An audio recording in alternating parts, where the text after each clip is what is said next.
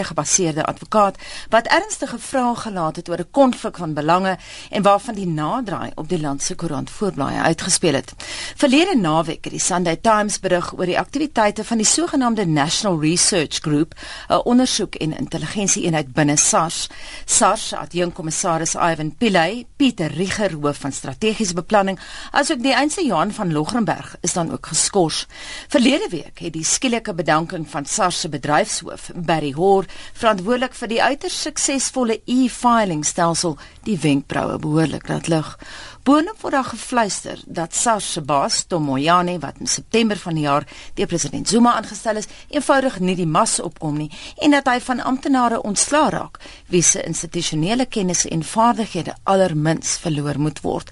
By my in die ateljee vandag is die Demokratiese Alliansie se skademinister van Finansies, Dr Dion George wat al baie jare lank sy vingers op Jan Tak se pols het. Goeiemôre en baie welkom by Monitor. Goeiemôre en baie dankie vir die uitnodiging. Kom ons begin met uh, wat die Mail and Guardian Vrydag geskryf het. Hulle het gefokus op die feit dat Zuma se prokureur Michael Hulley 'n besending TM de deur douane wou deurlaat sonder om die nodige invoerbelasting daarop te betaal. Ivan Pillay het geweier en rapport het gister weer gewonder of Pillay nie geskort is omdat dat hy ook regsadvies ingewin gewin het oor die belastingimplikasies verbonde aan in Kandla nie. Nou, meneer Pillay het blykbaar in geen onsekere terme vir president Zuma gesê die uitbreidings by Kandla moet belas word. As mens dit alles saamvat, is dit die rede hoekom hy geskort is, dat hy op tone trap. Ek gaan in uh in Engels beantwoord as jy nie omgee nie, my Afrikaans is nie goed genoeg nie. Gaan voort. Um I think very importantly it's very clear that Ivan Pillay was a very strong figure in SARS, um especially after the previous commissioner left. Um I have um I'm absolutely sure that he must have raised the issue. If the issue of the t-shirts did come up in terms of paying for the for the for the customs duty, um, and he put his foot down, then um, I do think it would be very um, unfortunate if he's being punished for that. On the Nkandla matter, you will probably recall that my predecessor Tim Harris wrote a letter to SARS about that. And he did, in fact, get a response to say that um, they had noted it and that there would be further correspondence. Now, there wasn't any further correspondence. Now, I certainly am going to pick that up, and I'm going to pick it up with, with um, Tom Moyane as soon as I can in the new year, because that is one of the outstanding items. Um, in terms of whether whether these were the reasons for Mr. Pillay's uh, suspension, I'm not hundred percent sure. But what is certain is that the so-called rogue unit that um, you know has been bandied about that's common cause. Everybody knew about that. Certainly, Minister Gordhan and Minister Manuel knew about mm. that already in 2009 when I asked questions about it. So that would not be good enough reason for his suspension unless there was something in that unit that was very egregious and needed to be addressed. But even so, um, I do think that Mr. Pillay should have the right to respond in some way um, so that we can understand exactly what's going on. Ja, dis 'n interessante punt want hy sê hy het geen hy het nie die reg gehad om dit te doen nie en hy sê uh, hy sou graag ook insette wou lewer oor hierdie uh, skorsing. Hy uh, om hom aan te haal, hy sê hy sê die wetlike reg gegee om te reageer op sy skorsing nie. Yeah, exactly. I think that he should be able to do that. Um, and I think he'll be able to do that in due course. I mean, in any business, if you look at senior management, if there is a spat of some kind, usually you don't have it splashed around on the front pages, but eventually the truth will out. And I'm I'm certainly hoping that that will be the case because I do intend to, to question the minister and the commissioner when we see them early on in the year. I do see that uh, Yunus Carrim, the chairperson of the finance committee, is now saying we'll get the report early January. Mm. I certainly will be looking after looking out for that because I do want to see the minister and the commissioner, and I will ask them directly. Mm. Uh, why is it that Mr. Pillay was suspended? And um, I think that if Mr. Pillay says that he's not able to speak, I think the opportunity will arise. Afgetrede regter Jak Jakob het verlede jaar bevind dat oupa Magashula SARS se reputasie geskaad het deur sy verhouding met die veroordeelde dwelmhandelaar, dis nou Timmy Marimutu. Hoeveel skade word aan SARS gedoen? Jy weet ons het nou die skorsing van Pilay Pieter Rieger en Johan van Logrenberg. Soos jy reg sê, mense sien nie altyd dat kantoor of binnepolitiek hom uitspeel op koerante se voorblaaie nie. Ja.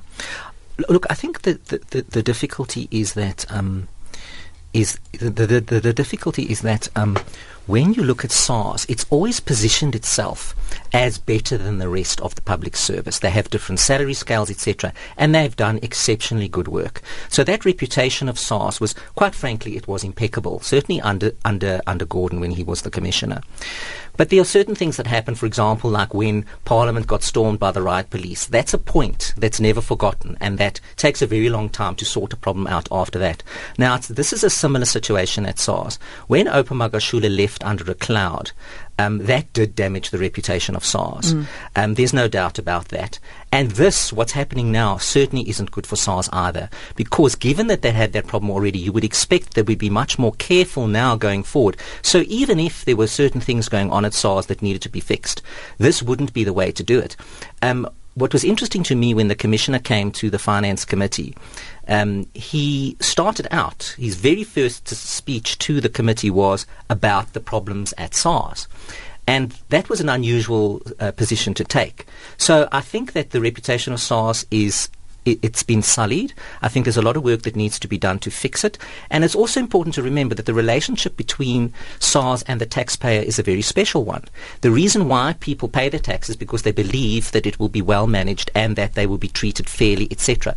And when there is noise, then taxpayers start feeling uncomfortable and then their compliance or the social contract between the taxpayer and SARS starts to get stretched. And I think that's something that's very troubling, certainly for me, um, and that is why I'm going to press this very hard when we have the discussion in the committee. As jy pas ingeskakel het, ons praat met die DA se skare minister van finansies Dr Dion George oor woelinge by SARS. Hoe verklaar jy die aan die bedanking van SARS se bedryfshoof Barry Hoor? Die media is baie skepties oor sy kon sy se vriendelike bedanking. Ek het probeer 'n onderhoud met hom te kry, maar hy het nie gereageer op my versoek nie. Dink jy die bedanking was so gemoedelik? Look, I think Mr. Hall has not said anything, so we can't really speculate. I mean, he will have to say at some point w- w- what is or is not.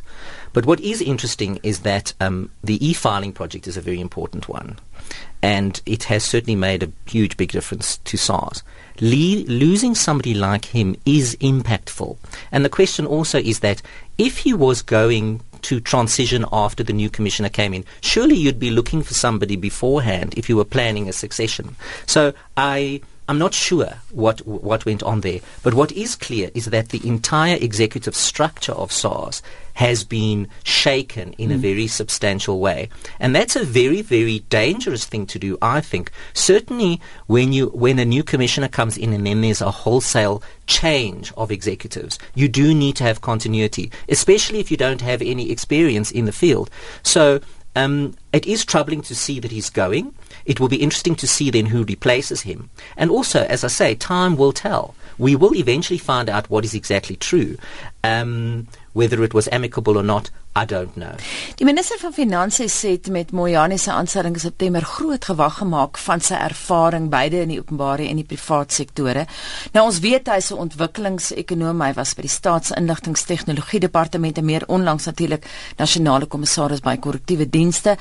Sommige ontleeders sê hy's niks anders as 'n Zuma lakai nie. Wat dink jy van hom? Well, I think he has got a reasonably good reputation for things that he's done in the past. For example, he did good work, I'm told, in the correctional services when he was there. Also, fact is that he has no experience whatsoever in tax collection. Now, tax collection internationally is a very complex field. Mm. For example, when we went looking for a new Auditor General, we we we advertised, we looked for expertise, etc., and then we picked the deputy because he had grown up in the Auditor General's office and he knew what was going on, and he was able to quite smoothly transition the organisation to the new Auditor General. Now, SARS is a similar type of institution, with the exception that the commissioner is a political appointment um, by the president.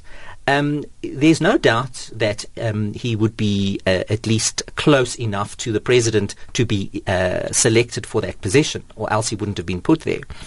Um, time will tell whether he's going to take a robust approach. That is why I'm going to ask him whether the um, investigation into the tax obligations for President Zuma on Nkandla are proceeding. Mm. Um, I think that will give us an indication, perhaps, of where he where he sits in in the process, um, and so that will be telling to me. Uh, also, very importantly, I think that the lack of experience that he has on taxation should be complemented by a very strong executive team. Now, if he doesn't have that going forward, I think he's going to struggle. I mean, internationally, obviously, if you look at the um, the IRS in the USA and um, the revenue services in the United Kingdom, they do have very sophisticated operations and executives because it's such a difficult field. Mm. Because you make a rule and then somebody finds a loophole to jump through it because uh, many people don't like to pay their tax. So um, I think that his lack of experience perhaps is already showing because if he sees SARS as just another government or uh, institution, it isn't. It actually is different because the job that it does mm-hmm. is, is, is very specialized. Vir my nou net interessant, jy weet jy praat nou van loopholes. Uh as mens hom kan aanhaal in September het hy gesê with respect to organizations and companies, I am yet to sit with the team and identify the tax dodgers and say what we need to do to close these loopholes. Wat jy het nou verwys na die loopholes. Maar hoe kan Thomas Moyane dit doen as hy van sy beste mense ontslaa raak? I think with very great difficulty. And also, if you look at the tax loopholes, I mean, for I've been on the finance committee for almost seven years, and it's very clear that a tax law is made and then loopholes are found. Mm. It is, is not simple. And so, if he's saying that, well, you know, I'm going to sit down and find the loopholes and close them, that isn't going to happen. It's an it's an ongoing dance that the tax authorities have with taxpayers, especially the more sophisticated ones who actually try to evade tax. So um, I don't think that it's a wise thing to, to, to remove executives unless there's an absolutely compelling reason that otherwise would have damaged SARS. And I'm not sure that I see that. Mm. Talking about seeing things, uh, jy was op die nuuskonferensie toe Moyane in September aangestel is. Ek het net foto's daarvan gesien en Ivan Pillay het langs nou sy nuwe SARS baas gesit. Hy het glad nie gelukkig gelyk as mens net kyk na die lyfstaal nie. Um, yeah, I think that's very, very uh, clear. Um, also, when they appeared before the committee for the first time with with um, Moyani and um, Pillay was there and various others, they all looked very, very glum um, Moyane went straight into the fact that he's going to be investigating various things. Mm. And, well, it was very clear that they weren't happy. And that contrasted to the past because when we used to see SARS before, they always used to come as a united team to the committee. They were all very happy because they perceived themselves to be doing very well and we'd say reasonably nice things about them. So it was it was quite jolting and I knew immediately that there was going to be problems. Um, and also the fact that he was offering, um, uh, certainly the commissioner was offering a lot more than we would not than we usually get. Wat van Tomoyane se argument dat die intelligensie en uit die National Research Group binne SARS in sy woorde, presiese woorde, 'n groot bedreiging vir die stabiliteit van SARS inhou? Kan dit waar wees? I think he needs to explain what he means because any um, revenue service in the world has an investigation unit because people do want to evade their tax. So you do need to have something like that. Perhaps if they have been doing things that are being uncomfortable, then that would obviously be not palatable. For example, if they've been investigating politicians who don't want to be investigated, that would be an issue. For example, if they've been looking into the Nkandla matter, I don't know. So I think we have. To, I will ask him that when I see him. I'll ask him what he means by that. Um, but if he is saying that it's because they are standing on political toes, then I think that that is a serious problem. Moyane is ook op rekord dat sy plan is om sterk op te tree teen regeringsdepartemente wat nie binne hulle begrotings bly nie en dat sogenaamde ekstras nie sommer net uitgedeel gaan word nie. Nou ek weet die DA is baie lief om punte te gee aan oppositiepolitisi. Hoe vaar hy? Doen Moyane wat hy gesê het hy gaan doen?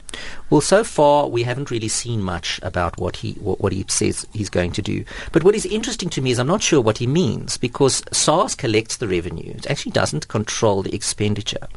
But in his previous department where he was working in, I think it was communication of some kind, um, the question is, well, what extras are we talking about? Um, I asked the question as who pays for this unit you know, because there was no evidence of the financial stream. Maybe he's speaking about this unit. Maybe he's speaking about extra expenditures from other departments. I don't know. But I certainly will ask him. But right now, um, we haven't seen enough of him to make a commentary. But also, uh, my first impressions is I'm a bit troubled about the, what is happening in the executive structure. But perhaps there are things that he needs to explain that we'll understand better. And I do wait for that. Baie dankie vir oggend se gasie by ons was die skare minister van finansies van die DA Dr. Dion George. Thank you very much for chatting to me. Thank you baie dankie. Die Absa Premiership gaan voort hierdie week. Woensdag in die Royal Bafokeng Stadion meet Platinum Stars kragte teen Chippa United. Dan kom Rocker Swallows te staan teen Orlando Pirates in die Dobsonville Stadion. In die Bidwest Stadion kom Bidwest Wits aangesig tot aangesig teenoor SuperSport United. Dan gaan Black Aces 'n troefkaart probeer trek teen Bloemfontein Celtic in die Mbombela Stadion.